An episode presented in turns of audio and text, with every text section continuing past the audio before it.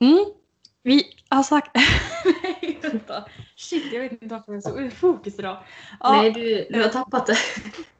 Nej, jag skojar. Säsongsavslut. Precis, det är det. Det har vi fastställt. Mm. Ledsamt för alla som kommer att få måndagar är pisstråkiga framöver. Ja. Nej, men vi ska ju ta en liten sommarbreak. Och vad var det vi sa? Skulle vi komma tillbaka? Var det 30 augusti? Mm, jag tror vi sa det va? Jag ska dubbelkolla bara så att vi inte ljuger för våra älskade lyssnare. 30, ja det är en måndag där ja. Yes, precis. Men då så. Då kan ni i alla fall expecta att vi startar igång säsong två. Mm. Spännande. Då hoppas vi att vi är bättre, har bättre underlag, mer taggade. Precis, och en eh, omslagsbild. Det är väl målet? Ja, det, det är väl det största målet. Ja, vi har ju våran logga just nu men eh, målet är väl att ha en bild på oss. Mm. Lite mer personligt. Precis, för just nu så har ni ju, om ni inte känner oss så vet ni ju inte hur vi ser ut. Nej, jag är livrädd. Visa hur det ser ut. Ja, nej men alltså förlag.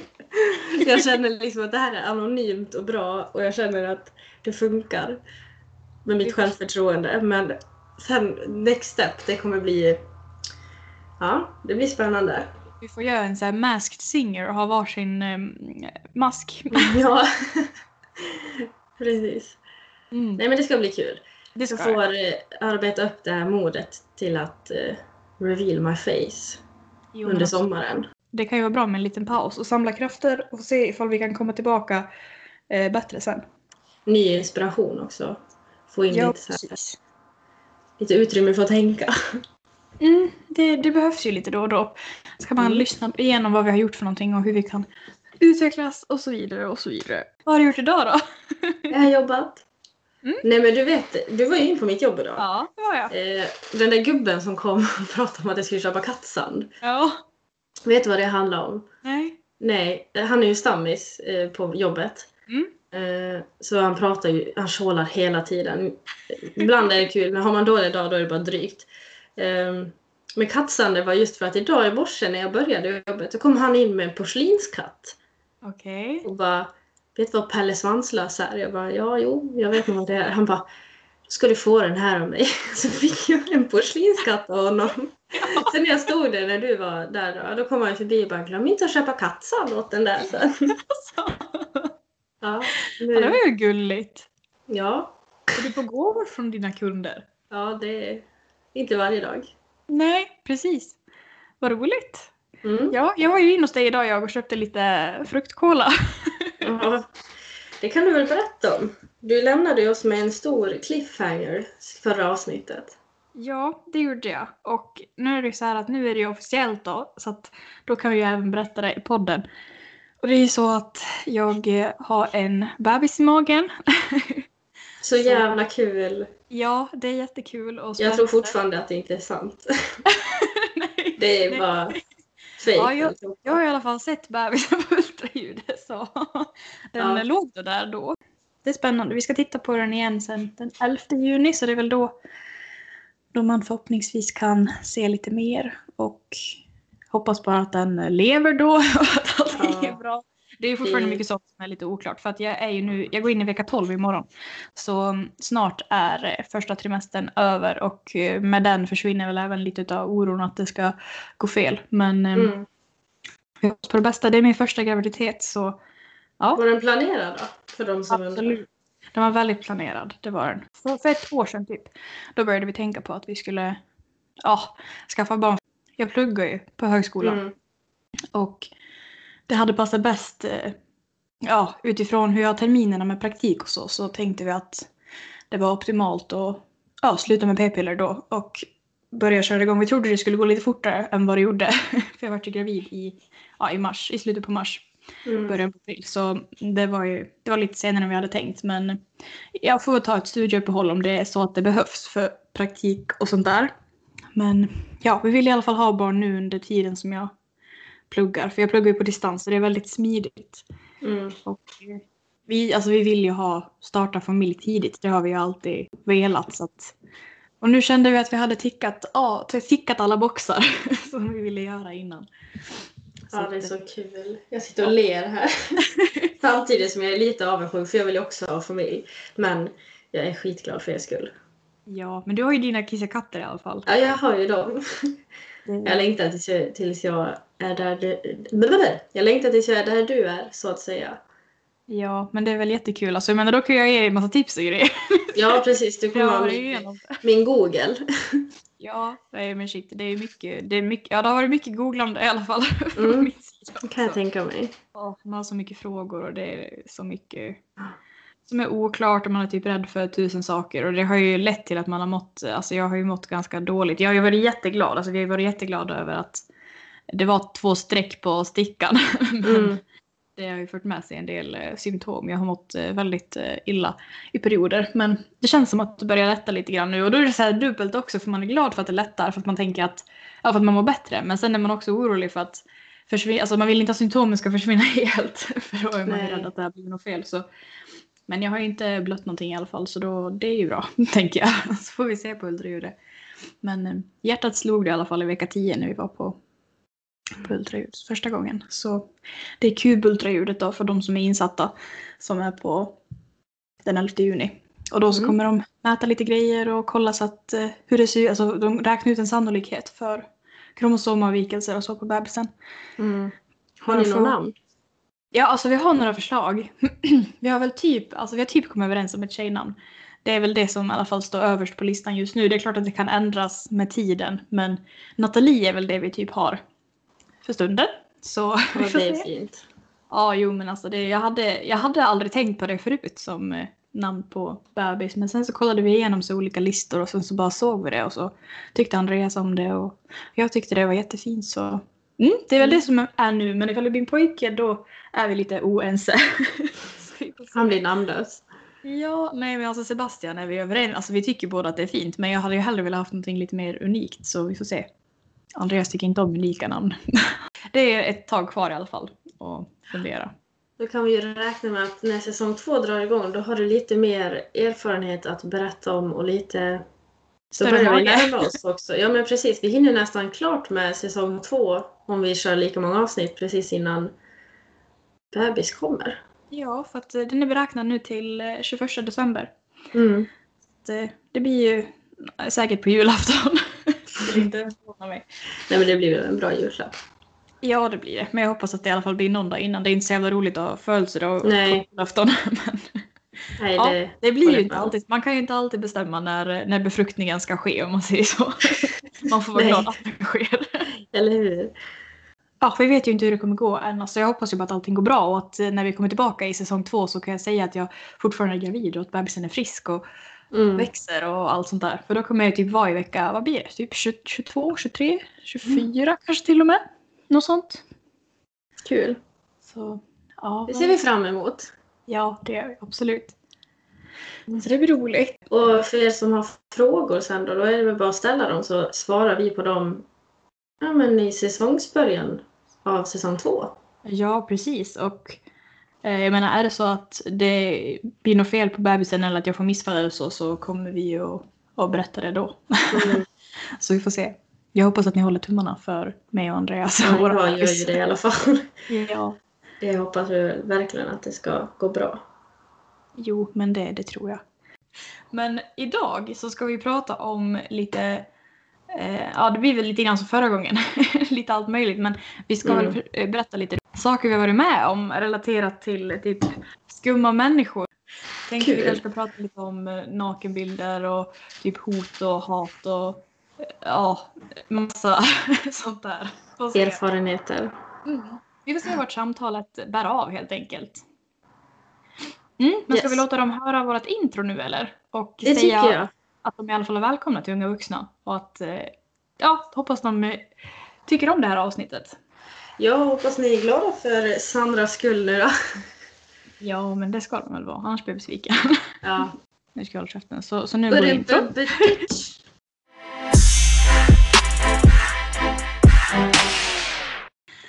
Okej. Vem ska börja prata? Yes. Vill du, alltså, har du liksom en plan här? Har du någonting Nej, du... det känns ju som att du har ett bra upplägg på det. Jag tappar ju minnet när det kommer till såna här grejer. Men du kanske får upp lite så här flashbacks när jag pratar eller när jag Ja. berättar. Börjar du? Vad har du varit med om? Om vi säger så här, de, mest, alltså de flesta sakerna som jag kan berätta om och som har hänt, det, det är ju saker som hänt när jag varit yngre. För eh, det var väl mest då också som, för det mesta är kopplat till internet och eh, chattsidor och eh, alltså, ja, telefonkonversationer med folk som eh, har spårat ur lite grann. Och när man är yngre, nu snackar jag, alltså nu snackar jag om när jag var kanske 12, 13, 14 möjligen, men det var mest 13, jag tror det var då som var värsta året. Det var Mm. väl då som eh, ja, det var roligast då att skriva. Jag kommer ihåg att det var typ då vi fick bra internet hemma. För vi hade ju aldrig det eftersom att jag växte upp i skogen. Så då var det roligt att hela tiden hålla på och skriva med folk. Och jag menar, jag skrev mycket med folk som, som jag kände. Och jag vet att mina föräldrar var väldigt noga med att man inte skulle skriva med främlingar och skriva med, med konstiga typer och så här. Och att man aldrig skulle träffa folk som man har skrivit med på internet. Och ja, du vet sådär. Ja. Jag antar att du också hade liknande Nej men alltså. Jo det hade man väl men jag. Jag pratade inte så mycket sånt med mina föräldrar. Nej, nej, alltså jag menar det, det som hände mig sen, det var väl också, eh, det var ju inte direkt jag gick till mamma och bara du nu skriver jag med det här, nu skriver jag med det här. För att alltså, även fast de sa att man inte skulle skriva med, med främlingar så var det ju de som det var roligast att skriva med. Mm. Det är väl så också för de eh, flesta. Att eh, jag förstod ju varför de sa åt mig att inte göra det och eh, Alltså det är inte så att jag idag ångrar att jag skrev de här personerna. Det var nog ganska harmlöst och underhållande just då. Men det Mm. finns ju väldigt skummisar Och det kan gå väldigt snett om man har det otur. Absolut, så det gäller ju att vara försiktig med vad man skriver till folk. Och jag vet att mina föräldrar var väldigt noga med att man aldrig skulle skriva vart man bodde och sådana saker. För Mm. det, det är klart att det kan gå åt helvete och det gjorde jag heller aldrig. För lite, eh, ja, lite konsekvenstänk eh, Vi var väl ändå rätt smarta i den åldern tycker jag. Ja vi, men var alltså det väl, jag. vi var väl typ som 17 redan som 13-åringar. Ja, jo, jo men det, det är nog ganska eh, vanligt att man tänker så också. Jag vet ju att eh, om jag ser tillbaka på det nu så kanske Mm. man inte var smartast i världen. Men då tyckte man i alla fall att man var, var det. Ehm, och, Ja men jämför man. Jag tänker just på oss då. Vi har ju hållit ihop eh, ganska länge. Jämför vi oss med andra i vår omgivning så var väl vi ändå, om man får säga det själv, att vi var väl ändå rätt smarta. Vi var väl ändå mognare än flesta andra. Eller jag känner att jag var det. Jag vet inte fan hur du tänker. Nej, nej, men alltså, jag håller väl med. Jag, jag har väl aldrig sett mig själv som någon som eh, eh, Ja, vad ska man säga? Som, eh, ja, jag, jag, jag, vill inte, jag vill inte heller säga att jag var mognare än, än resten. För jag menar, jag tror att det är olika sidor som man visar och olika sidor som man eh, har. Och, alltså, ja, jag kan ju tänka tillbaka nu på hur jag var då och känna att ja, jag var nog inte så jävla eh, smart som jag kände då. Men, eh, Nej men det kan är jag hålla med om. Ja, alltså, Jag har menar- alltid känt att jag alltid har varit lite äldre än alla andra. Jo men alltså det beror ju på hur man umgås också. Jag menar jag umgicks ju mest med, med äldre. Alltså det, du och jag är ju jämngamla. Men alltså jag menar Mm. de andra. Det, jag, var, jag var ju inte sån som hängde med, med folk i klassen på fritiden så mycket. Det var ju typ du och tre till. Sen var det inte så många andra. Så, Mm. så så blir det ju. Man blir ju som man umgås lite grann i alla fall. Men, eh, men ja, jag, var- vi var i alla fall, jag var i alla fall 13. För att beskriva mig själv som 13-åring lite kort så eh, det var väldigt roligt att kommunicera. Jag har alltid varit väldigt fascinerad av hur människor uttrycker sig och eh, varför man uttrycker sig som man gör. Och det, det jag kanske inte kunde sätta ord på det just då. Men jag vet att det var det som fascinerade mig väldigt mycket med att skriva med, med olika människor. Eh, och sen var det ju även väldigt roligt att skriva med killar. För att de var just killar och för att jag är Mm. intresserad av killar och alltid har varit det. så var det kul. Så det blev ju mycket sånt. Och på gott och ont då kan man väl säga. För det fanns ju det fanns ju olika sätt att komma i kontakt med folk. Mm. Eh, och jag vet att den första som jag har skrivit här i mina anteckningar som jag tänkte prata om som var fett skumt som hände mig. Det var väl det var på Facebook tror jag som eh, det var någon som la till mig. Och jag menar Facebook var ju ganska nytt då. Alltså jag har inte haft Facebook så jättelänge. Jag tror jag skaffade det när jag var kanske 12. Så jag menar jag kanske hade haft det ett år. Och så la, la den där snubben till mig då. En kille i, ja kan han ha varit 17-18 års åldern kanske. Och han lägger till mig då, jag menar folk har ju lägger till en på Facebook. Jag menar nu är det ju inte så att jag sitter och accepterar folk jag inte känner. Men då tyckte man ju att det var lite roligt. Eller jag tyckte det i alla fall.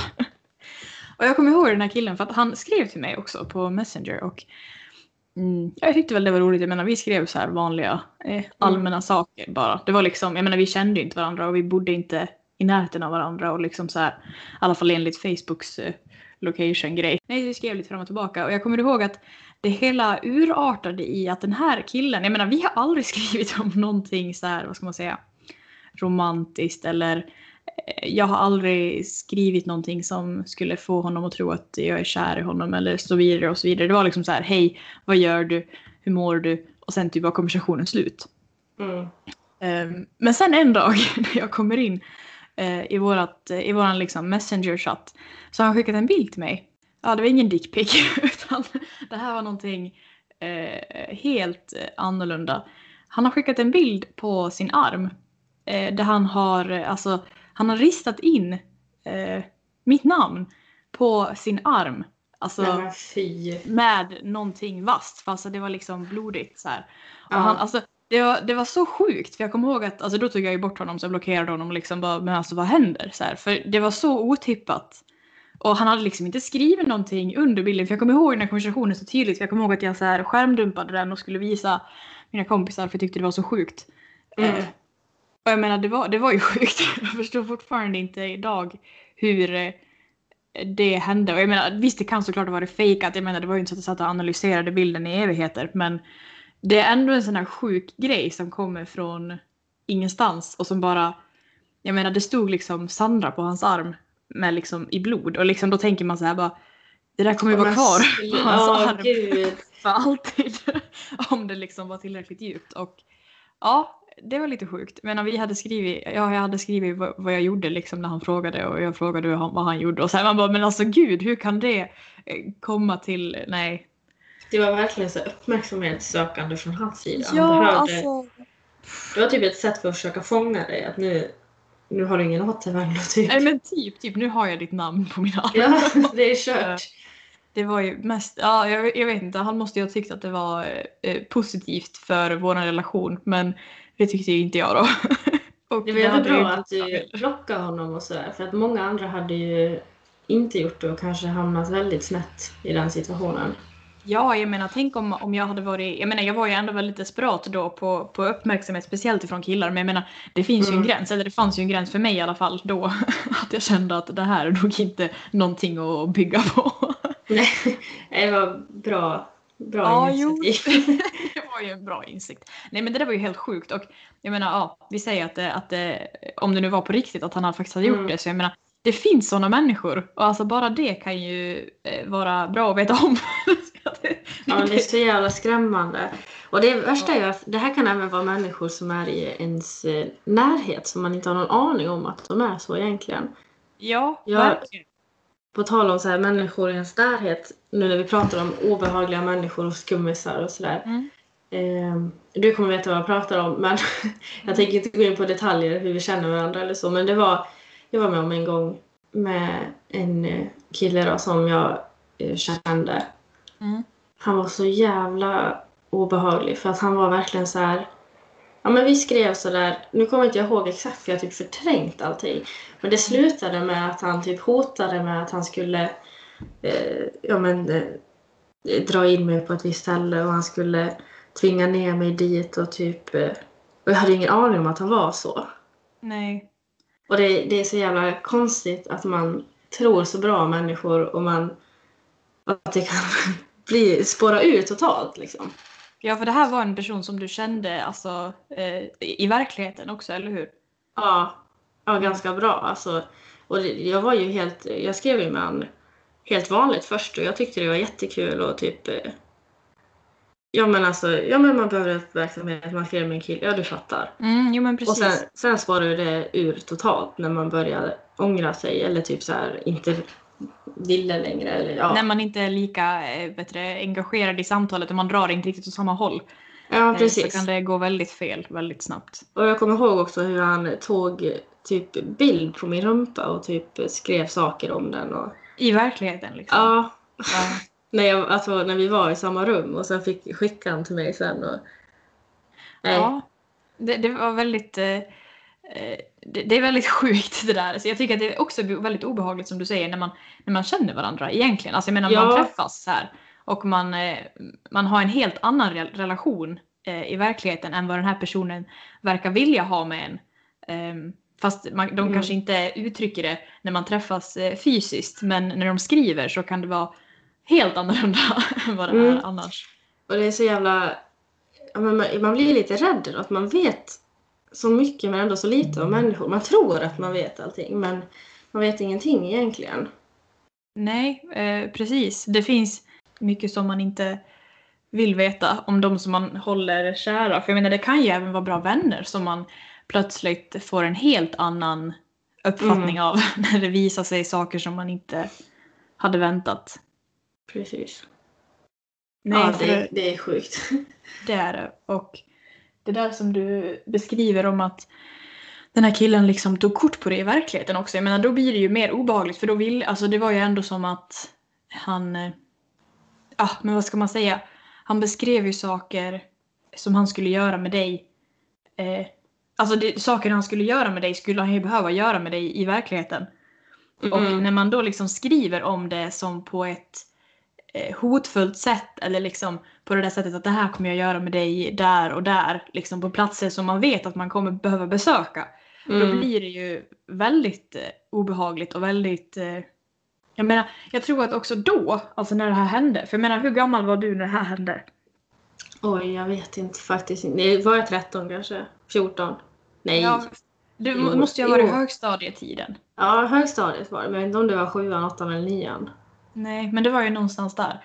Mm. Och alltså, jag menar då är man ju också väldigt, eller jag, jag vet i alla fall att jag var så här, man, man är osäker på sin, eh, man var oerfaren och man var liksom taggad på att prova saker och man visste inte hur man skulle vara med det andra könet. Det, det var så här, man var väldigt osäker. Det var en tid fylld av eh, tankar och känslor och ja, mycket verkligen. fysiskt grejer. Men man gick igenom puberteten och det var väldigt, väldigt Ibland gjorde omtumlande. man ju saker som man själv tänkte efter, vad fan höll jag på med? Eller så, Ja. att man ångrade. Och man var säkert eh, dum i huvudet från andras ögon också. Men ja, jag vet inte. Så där skulle ju aldrig jag som eh, eh, göra mot någon annan.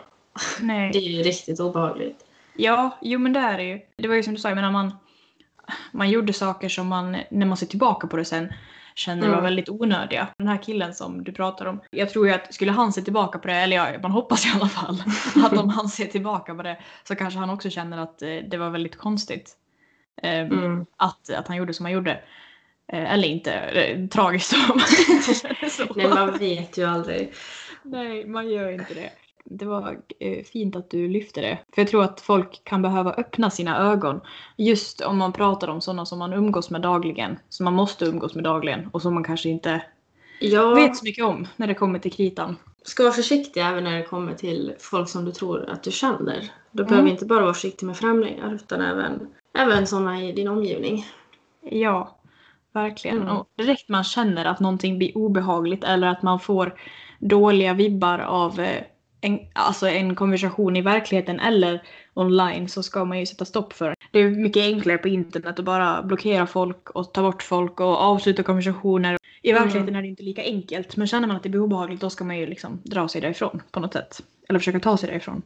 Det vill jag väl i alla fall säga. jag, tror, jag tror att det är väldigt svårt. eh, Har, har konversationen en gång blivit obehaglig eller har det skett närmanden som har varit obehagliga en gång, Mm. då, då händer det ju igen. Då finns det ju det. Jag tror att det alltid kommer finnas med då i den relationen. Att det har varit konstigt. Ja men det tror jag också. Det kommer alltid ligga där. Ja, så då är det bättre att söka sig till ett annat sällskap eller Mm. till andra eh, vänner. Och kanske Precis. fundera på vad det är för relation man vill ha med den här personen innan man ja, lyckas eh, virra in sig i något jävla dumt. Ja precis. För Har det är ändå med om- att göra. Om något annat.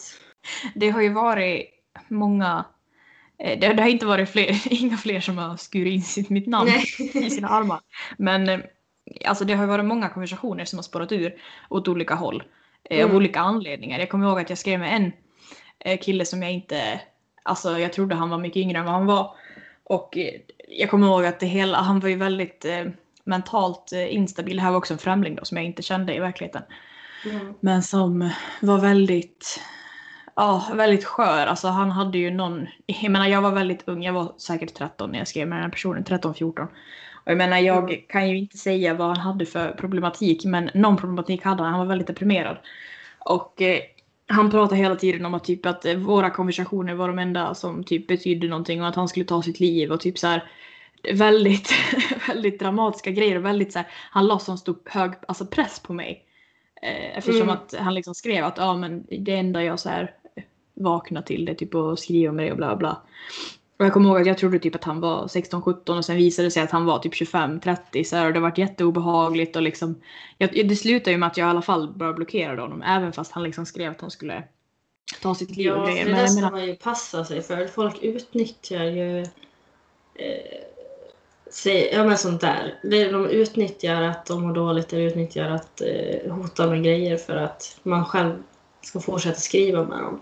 Ja men precis, det är som att de sätter en i något sån där, i någon väldigt dum eh, situation. För jag menar, Mm. man känner sig dum om man är anledningen till att de eh, tar livet av sig eller skadar sig själva. Men eh, Mm. samtidigt så är det ofta, jag tror i alla fall, att det ofta är någonting folk bara, säg, bara säger för att Skulle man vilja ta, eller nu vet inte jag exakt hur det är för alla och hur det ska vara och bla bla bla. Men skulle man vara på den gränsen skulle man inte skriva runt om det utan då tror jag man gör det utan att berätta det för någon. Jo, men lite så känner väl jag också. Att det är väl mer vanligt i alla fall. Att Ja. eh, vill man dö, då ser man nog till att dö. Utan att man behöver tvinga folk att vara kvar i en relation med en. Ja, precis. Man får vara lite kritisk när man skriver med andra människor. Tänka efter lite. Ja, och det är inte så jäkla lätt heller att vara kritisk när man är så ung. Alltså, det, det känns, Nej. man känner sig inte ung när man är 13. Jag kommer ihåg att jag absolut inte gjorde det. Jag hatar när folk kallar mig för ung eller oerfaren eller alltså, liten eller barn eller sådana Mm. saker. Och, alltså, jag vill ju inte säga att man är ett barn när man är 13 eller att man är så, för det, det är man ju inte. Jag vet att man, man känner sig verkligen inte som det. Och man har redan lärt sig så mycket om livet. Man har börjat forma sin egen personlighet. Men det är fortfarande en lång väg att gå och det vill man inte heller höra. men, men det är ju så. Eh, Och det är väldigt lätt då, speciellt då när man är så sårbar och man vill känna sig vuxen och man vill känna sig eh, gammal. Eh, inte gammal nu, men alltså du fattar. Ja. ja, då är det väldigt lätt att hamna i sådana här konversationer med folk också bara för att man tycker att man känner sig äldre då. Om man skriver Mm. med folk som är äldre eller om man har någon form av relation med, med någon som är äldre. Det får ju inte dig att bli äldre. du får inte... Nej, men Alltså- precis. Du sätter dig bara i en väldigt dum relation, eller en väldigt dum situation överhuvudtaget. Jag skulle inte vilja säga att det är bättre att hålla sig till folk som är jämngamla, men det Nej. tycker jag i alla Nej. fall. Det är olagligt också, för det, det kan vi också säga. Ja. inte vet det. I alla fall om det är en sexuell relation. Men man får passa sig. Alltså jag, det är så jävla... För jag kände också sådär, exakt som du beskrev. Men eh, jag tror att vårt budskap till oss själva när vi var så små är, är ändå liksom att vi, vi skulle ha passat oss och skulle ha tänkt efter lite mer. Och, Ja, och alltså man hinner. Man hinner göra allt det där som man Mm. längtar så mycket efter och som man eh, strävar efter hela tiden. Det vill man inte heller höra. Jag vet att man inte Nej. vill höra det här när man är Det är det 13. värsta man kan höra. Men Ja. det är så jävla sant. Och det kommer, man, det kommer alla inse sen när de blir äldre att Ja. fan, det, alla hade det- rätt. Liksom. Ja, och jag lovar att när vi ser tillbaka på det här om typ tio år så kommer vi säkert också ha eh, en annan, eh, kanske inte andra perspektiv på det, men att man i alla fall har någon annan, eh, någonting annat man skulle vilja lägga till. Eller liksom Mm. mer erfarenhet att komma med. Ja, för jag menar Ja. så kommer det vara hela livet. Jag menar när man är 60 så känner man inte samma sak som man gjorde när man var 50. Det är ju inte så livet Nej. är, tänker jag mig i alla fall. Det får man bara roll with it liksom. Ja, och jag skulle även vilja säga det för att jag vet att eh, mina föräldrar lyssnar på de här avsnitten ibland. alltså om man är 40 och lyssnar på det här eller, eller äldre.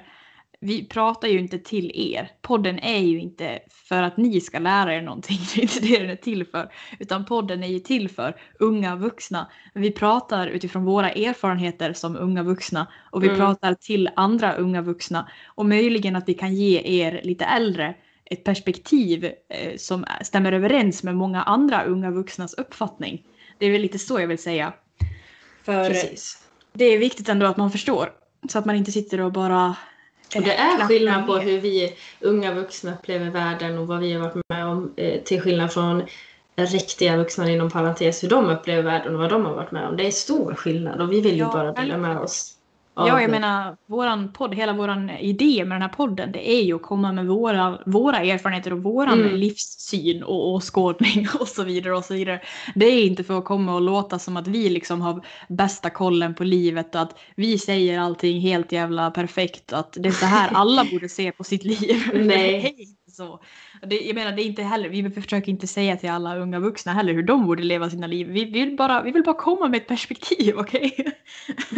Okej. Ja, så att alltså, Nej men precis, verkligen. Okej, men nu det var en liten side-note där. Ja men precis, notera det. Men det behövdes, eh, det behövde sägas kände jag. Men ja, men vi pratade lite grann om, eh, ja, jag pratade om den där snubben som var sjukt eh, deprimerad och konstig Mm. och obehaglig. Men ja, blocka, alltså blocka funkar alltid. Blockera eh, nummer, blockera kick. Jag kommer ihåg att kick var ju grejen när vi var unga. Ja precis. Det är bara att blocka. ja, precis. Blocka, blocka, blocka. Och Ja. ja, alla, alla konversationer som man känner inte ger en någonting eller som inte känns bra längre, som spårar ur, ja men blockera. Liksom, Ta bort. ta bort användaren. Ja, du, behöver inte, du behöver inte känna dig tvingad att eh, vara kvar i en konversation även om sådana hot förekommer. Att liksom, jag ska ta mitt liv om du slutar skriva med mig. Jag, bara, Mm. jag ska skära mig i armen om du slutar skriva med mig. Ja men alltså problemet och ansvaret kommer aldrig ligga hos dig. Nej, Ifall du är en okänd människa så är det ju verkligen ingenting jag ska Nej. tänka på. Då är det bara att Nej. ta bort liksom. Precis, jag menar är det någon du känner, ja men då finns det ju, om, om det förekommer sådana, vad ska man säga, hot. Eller eh, då ska du ju kontakta an, antingen, jag menar ifall du är 13 och den här personen också är 13, jag menar kontakta personens föräldrar. För jag menar det kan ju faktiskt vara så att han har, eller, eller hon har, någon underliggande eh, problematik. Att, att de liksom börjar må dåligt eller att de känner riktiga eh, obehagliga känslor. Jag menar då behöver de ju få hjälp. Och prata Mm. med någon. Och då, även fast de kanske inte blir så jävla glada över att du pratar om deras föräldrar, så kommer de ju tacka dig sen om tio år. Folk kan må dåligt och det, behöver inte, det ska inte gå ut över dig liksom. De mår dåligt. Precis. Men eh, det är modigt att våga säga ifrån och våga Mm. hjälpa till. Och jag menar, orkar man inte säga ifrån då blockerar man. Enkelt. Ja. Inte så enkelt som det låter men det i praktiken är det enkelt. Ja, Ja. absolut. Ja, sen så kommer jag ihåg en till episod i mitt liv Mm. som till och med eh, vart en polisanmälan. Tell me. Oj, Eh, ja. jag det här. Ja, det, jag vet inte om du kommer ihåg det, men det var ju i alla fall... Oh, det här tror jag, undrar om det här var redan när jag var 12. 12 Mm. eller 13. Det här handlar också om tidigt, jag tror det var sjuan. Eh, det här, alltså jag har ju en aning om att det här, alltså det, det var ju, jag vet i alla fall, min magkänsla säger att det inte var så allvarligt som det kom ut att, eller som personen försökte få det att verka i de här meddelandena. Men mm, jag kommer ihåg att jag tyckte att det var väldigt obehagligt då. Men att nu när jag ser tillbaka på det så känner jag att det var ju antagligen någon i våran skola som gjorde det här och som inte hade så onda, eller så onda, vad ska man säga, eh, som inte ville så illa som det lät. Men i alla fall så var det ju så här då att jag tror det här utspelar sig på Kik. För Kik, det var ju lite så här för de som inte använder Kik eller som aldrig har använt Kik så är det ett Mm. ganska enkelt Det är En som ganska- Messenger. Ja men precis, det är som Messenger fast det, det är mycket lättare att skapa konton. Det går jättefort att skapa ett konto. Och Jag menar man kan ha hur många Mm. konton som helst och det är så här, ja, väldigt smidigt att göra nya konton. Hemliga konton och ja, allt sånt där. Och eh, jag kommer ihåg att det här var, det var någon som utgav sig för att vara en kille i vår klass Mm. som skrev till mig. Och jag trodde att det var den här killen i vår klass. Alltså vi hade ändå en, alltså vi var väl vänner så liksom det var ju någon jag eh, kände. Så Mm. han skrev till mig från ett annat konto. Jag reagerade på att det inte var hans vanliga för jag hade ju han som vän på Kik redan liksom. Mm. Han skrev till mig och jag tänkte bara ja, han har skaffat något nytt. Så vi liksom små, små skrev så här om vardagen som man gör. Sen kommer jag ihåg att eh, helt plötsligt så började han fråga efter nakenbilder och det här var verkligen inte någonting som jag trodde att den här personen i verkligheten skulle fråga om. Så därför blev jag ju så här väldigt ställd och liksom bara men vad håller du på med? Och då kommer jag ihåg att Mm. han började skriva massa skällsord. Eh, alltså typ hora, slampa. När jag skrev att jag inte ville skicka de här grejerna. Ja. Jag skrev ju bara så här, bara, jag försökte fortfarande vara trevlig för att jag fattar ju att det inte var den här personen i min klass men det känns ändå dumt att skriva elaka ord tillbaka för jag, jag vart ju att tänka på att eh, det skulle gå sämre och jag menar om det var så att jag skulle behöva visa det för mina föräldrar så vill jag ju inte hålla på och skriva massa hatord tillbaka. Nej, så tänkte jag ofta i sådana här fall. Men nej, och då så han fortsatte skriva fula ord och det slutade ju med att jag bara alltså, tog bort honom. Jag kommer ihåg att jag skärmdumpade hela konversationen för jag tänkte att det var viktigt. Men Mm. sen så tog jag bort honom från eh, Kik och sen så dröjde det inte länge, kanske, ja, jag vet inte, mm, fem minuter, tio minuter. Sen så skriver någon an- en annan användare till mig som antagligen då var samma person som hade gjort det här fejkade kontot på killen i min klass. Mm. Eh, fast skriver under ett annat namn då. Som inte var någon från min klass. Ehm, och som skriver typ att, att han visste vart jag bodde och han skrev saker om min familj som, ja alltså som var sant. Alltså han skrev saker om min familj som han visste om då. Och saker om, ehm, ja han visste, han skrev liksom min adress, han skrev så här vad, eh, vilka kompisar jag hade och vilka jag umgicks med och han typ bara för att skrämma mig då för att liksom veta att han visste vem jag var. Så skrev han typ Ja. att han skulle komma hem, till, vad fan var det han skrev? Typ att han skulle komma hem till mig och typ ja, han vet, jag vet vart du bor typ så här. Det var liksom, det var väldigt oklart vad han skulle göra med den informationen men det var i alla fall väldigt hotfull, en väldigt hotfull konversation. Det är så många som använder sig av den där teknik eller taktiken. Och det är så jävla lågt av en människa att göra så. Precis, för det var, det var så det var också att det återkom, återigen kom det till de här nakenbilderna att han visste vart jag bodde och om jag inte skulle skicka nakenbilder så skulle han eh, ja, så skulle han komma hem till mig typ. Eller alltså ja, han, Mm. skulle, han skulle i alla fall göra någonting med informationen om mitt hem. och mina kompisar och mina bröder och allt sånt här. Eh, och alltså nu när jag tänker tillbaka på det så är jag ju väldigt säker på att det är någon, eh, eller var någon i, i vår skola eller i vår klass. Men då så kommer jag ihåg att det var väldigt obehagligt och jag visade ju det här för mina föräldrar. Och det här det kan ju kännas väldigt jobbigt i en sån här situation. Om vi säger nu att man har skickat nakenbilder till, till den här personen för att man var rädd. Mm. Då blir det ju genast mycket jobbigare att visa för sina föräldrar. För då har de, ja och också att de har, de sitter på de här bilderna och gör, ställer du till med någonting då kan de så lätt läcka liksom. Ja, och sen jag vill Ja. också ge det här perspektivet, för jag kommer ihåg att det här tänkte, man, tänkte jag aldrig på när jag var 13. Men alltså nakenbilder, är det så att du har skickat nakenbilder till någon för att du varit hotad eller så, då ska jag absolut aldrig göra det. Men är det så att du har gjort det och Mm. personen fortsätter att pressa dig till att skicka fler nakenbilder för att den har den här bilden och tänker läcka den på dig. Alltså, det, det, finns ju det finns ingenting som skulle sätta dig i dålig dager. Eh, För jag menar oftast när man skickar nakenbilder och man tänker på hur, alltså man, jag tänker på dickpics för jag menar det har man ju fått en del i sina Mm. dagar. Det är ju liksom en kuk på en bild.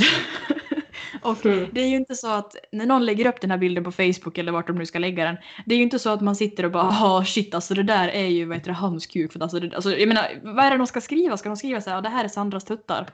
Eh, Jaha, vad- alltså man ser ju inte det. Man ser ju inte det på bilden.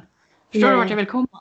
Ja, ja Det, är jag liksom, fattar. det kan kännas jobbigt eh, och, och liksom, ja, mina tuttar ligger på internet. Men vem fan ska kunna bevisa att det är dina tuttar? Den här personen som har lagt upp bilden kommer ju få betydligt mycket mer hat i dagens läge än vad du kommer få för att det är dina tuttar. Mm. Först, alltså förstår du? Man får, Så det är liksom- jag, jag är helt Ja, med. Det är Man får väldigt liksom own it. tomt. Bara, Fuck ja, det är mina tuttar. Ja. Assexiga, eller hur? Ja, är väl alltså det är så. Man, man ska inte... Det är klart att man skulle må pissdåligt över, för man vet ju att det är ens tuttar. Men jag menar, Mm. den här personen som lägger upp det har ju... har Alltså, ju du liksom- kommer ju aldrig få någon skit eller något. Nej, precis. Det värsta du kan få är kommentarer som eh, ja, jag har sett dina tuttar. Eller liksom så här, Ja, precis. ja, Men- det kan kännas skitjobbigt och man kan känna sig, ja men det är liksom ing- ingen kommer hata på dig, ingen kommer, ja men alltså så. Nej, och jag menar det är ingen som, jag menar om du inte har ditt ansikte med på bilden så är det ingen som kan säga att det är dina tuttar. Hur fan ska de kunna veta det?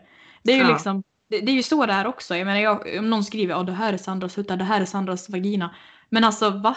Hur ska de kunna veta det? Har de inte varit där så vet de inte. Och det är det jag menar att sådana här hot är oftast tomma också. Jag tror ju Mm. inte att det är många utav de här personerna som faktiskt lägger upp de här bilderna. För jag menar, då måste de göra ett anonymt konto. För jag menar, de tänker ju inte lägga upp det på sin Facebook, eller? Nej, precis. liksom. Det är ju oftast bara hot och det tror jag man måste ja, men, tänka in och liksom vara... Ja, Men det är så svårt att inse när man är den sitsen. Man är ju ja livrädd. självklart. Man får, ju- alltså, man får ju panik. Jag kommer ihåg att jag också fick det. Jag menar, jag skickade aldrig nakenbilder till den här personen och därför var det ju också lättare för mig då att berätta för mina föräldrar och liksom visa, för jag visade ju dem hela vår konversation och liksom vad han hade skrivit och vad jag hade skrivit och allt sånt här. Och det, Mm. känns ju ändå, det känns ju ändå som att jag gjorde rätt, fattade rätt beslut. För jag menar om det var så att det här var någon som eh, ville illa så hade det ju varit jättedumt om jag inte hade visat för mina föräldrar. Om jag Mm. bara hade sett på den här informationen själv och varit rädd. För då hade jag säkert skickat nakenbilder bara för att jag liksom inte ville att någonting skulle hända. Och det, Det är bra att, eh, jätteonödigt. Prata med någon om man känner att det är eh, att man är en obehaglig sits.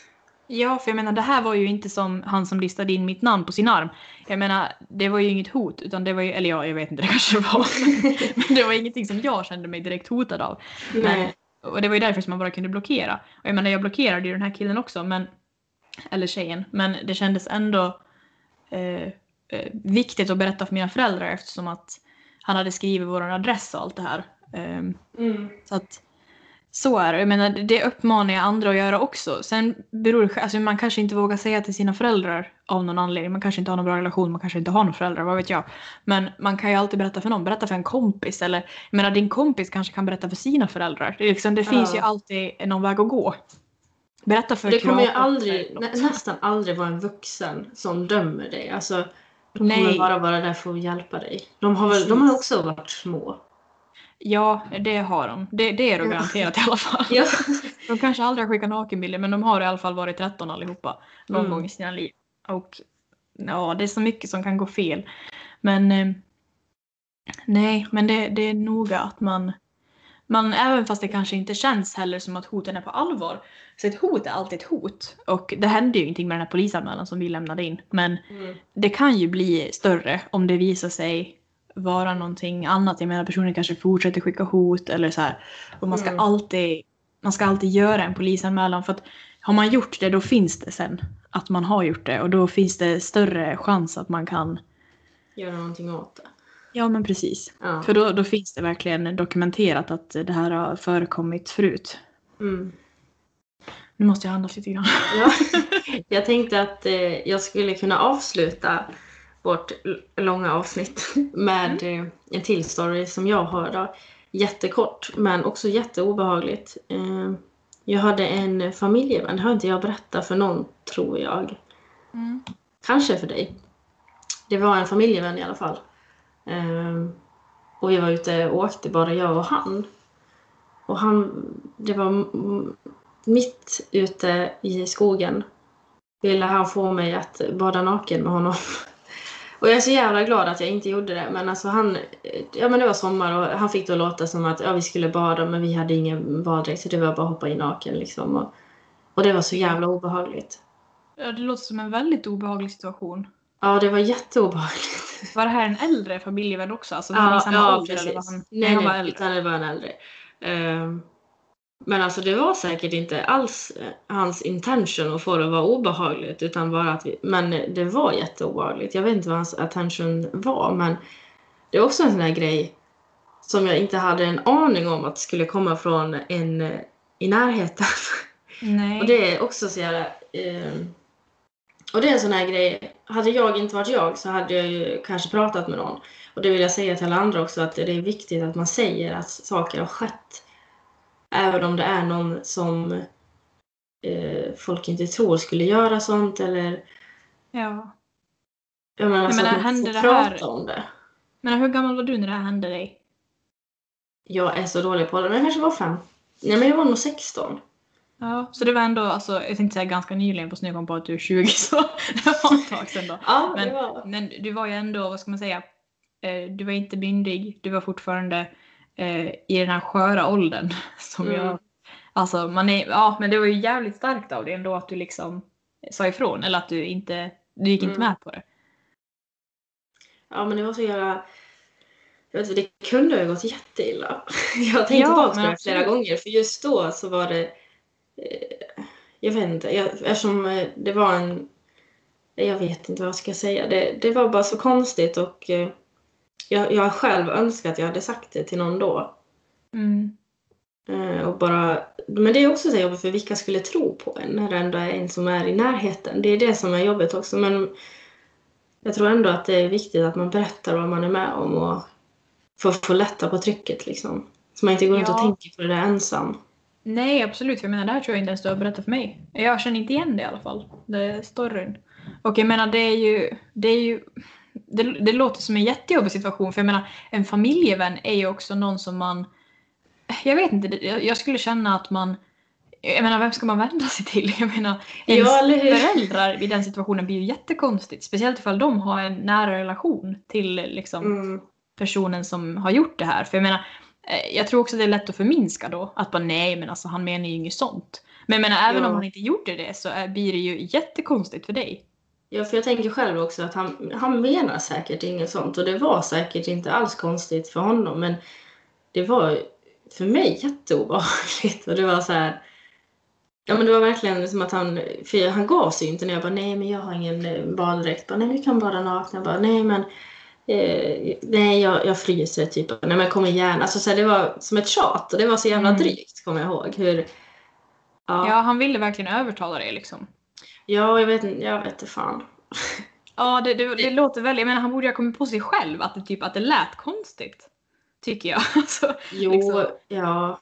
Men samtidigt menar, känns det också som att det var hans jargong lite grann. Han, nej, jag vet. Det är jättesvårt att säga för jag, kan, jag har själv inte fördjupat mig i det här. Jag vill bara glömma det. Ja, Men, men, det, eh, det är fint att du berättar det. För tänk hur många det är som kanske kommer vara med om det här någon gång i sitt liv. Och som Mm. kan känna liksom tröst i att du också har eh, varit med om en liknande grej och att du vågade säga ifrån. För det, ja, det, det kan ju gå jätteilla. För jag menar, det, det blir som en, vad ska man säga? Man blir ju skämmas också Mm. för att, för att det hände en. Jag menar, det blir typ som att, som att du ska bära på skammen över att han frågar dig, typ. Förstår du hur Ja, jag precis. menar? Jag tycker det är... Men det blir eh, liksom pinsamt, eller det blir så här, jag vet inte, typ skämmigt. Skulle han eller varandra. någon som eh, fattar nu vem, vem jag pratar om lyssnar på det här och frågar mig om det, då skulle jag skämmas jättemycket. Ja, men liksom... Nej men men förstår är du? ju Det blir inte- Ja, jo jag förstår hur du menar, men det, det ska du ju absolut inte göra för jag menar, det här är ju... Nej, skammen ska ju inte ligga hos mig. Nej! Det var inte du som gjorde någonting konstigt i den här situationen. Jag menar, även om han inte menade någonting sexuellt eller menade liksom att vara obehaglig så var han ju obehaglig. Det hade ju, Mm. Jag tror att de allra flesta tjejer i din situation, eller unga killar som också får en sån här jättekonstig invit av någon, eh, Mm. man blir ju lite illa till mods. Jag menar, jag, vet inte, jag tycker inte man ska, man ska skämta om sånt. Eh, om han nu gjorde det. Och var han allvarlig då är det ännu, ännu konstigare. Liksom. Nu avslutar vi den här podden. Ja, men det ska vi göra. Det vart jättelångt. Men eh, Ja. Eh, men det är bra, då har de mycket att lyssna på för sista. ja, jag menar det ju Sista gången. specialare. Ja, Kan lyssna lite över hela sommaren. ja, eller hur? Får ta så här fem minuter om dagen. Ja, men typ. Mm, nej, men det var i alla fall jättekul att prata med dig idag. Och jag hoppas att eh, de som har lyssnat har eh, kunnat fått ut någonting av det. Mm, verkligen. Man är inte ensam om att ha konstiga filurer efter sig. Runt sig. Ja. Nej, Man verkligen inte, inte. nej, man ska inte vara rädd och, och säga ifrån och eh, berätta Mm. för folk vad som händer en. Men ja, det, det var kul. väl Att, gratt- Ja, vad sa du? nej, jag tänkte bara säga att det var kul att, att de har lyssnat. Ja, och jag ville bara säga grattis till dig en gång till. Till miraklet som växer. Ja, vi, vi tackar och bockar, jag och min man. Ja. och, Och sen kan man ju som vanligt ställa sina frågor till oss på vår Instagram, unga vuxna eh, podd. Eller skriva till vår mejl, ungavuxna01 gmail.com. Ja, absolut. Och är det så att man vill följa graviditeten, eh, min graviditet under sommaren så kommer jag väl att lägga upp en del på min egna Instagram som jag tänkte att jag också kan Mm. promota här. Vänta, jag måste bara Kör hårt. Du är så bra på det här med Ja. namn. Ja, precis. Sandra Nordqvist 2001. Det är ju min Instagram. Så att eh, där Mm. kommer jag väl lägga upp lite magbilder och sånt sen när det syns. Nu är jag bara svullen och jobbig. Ja. Vi länkar som vanligt allt i beskrivningen. Ja, det gör vi. Och så Eh, ses vi efter sommaren. Ja, precis. Ni får ha en trevlig sommar eh, och ta hand om varandra. Så ses vi sen. Ha det höj! Standardrepliker. Ja.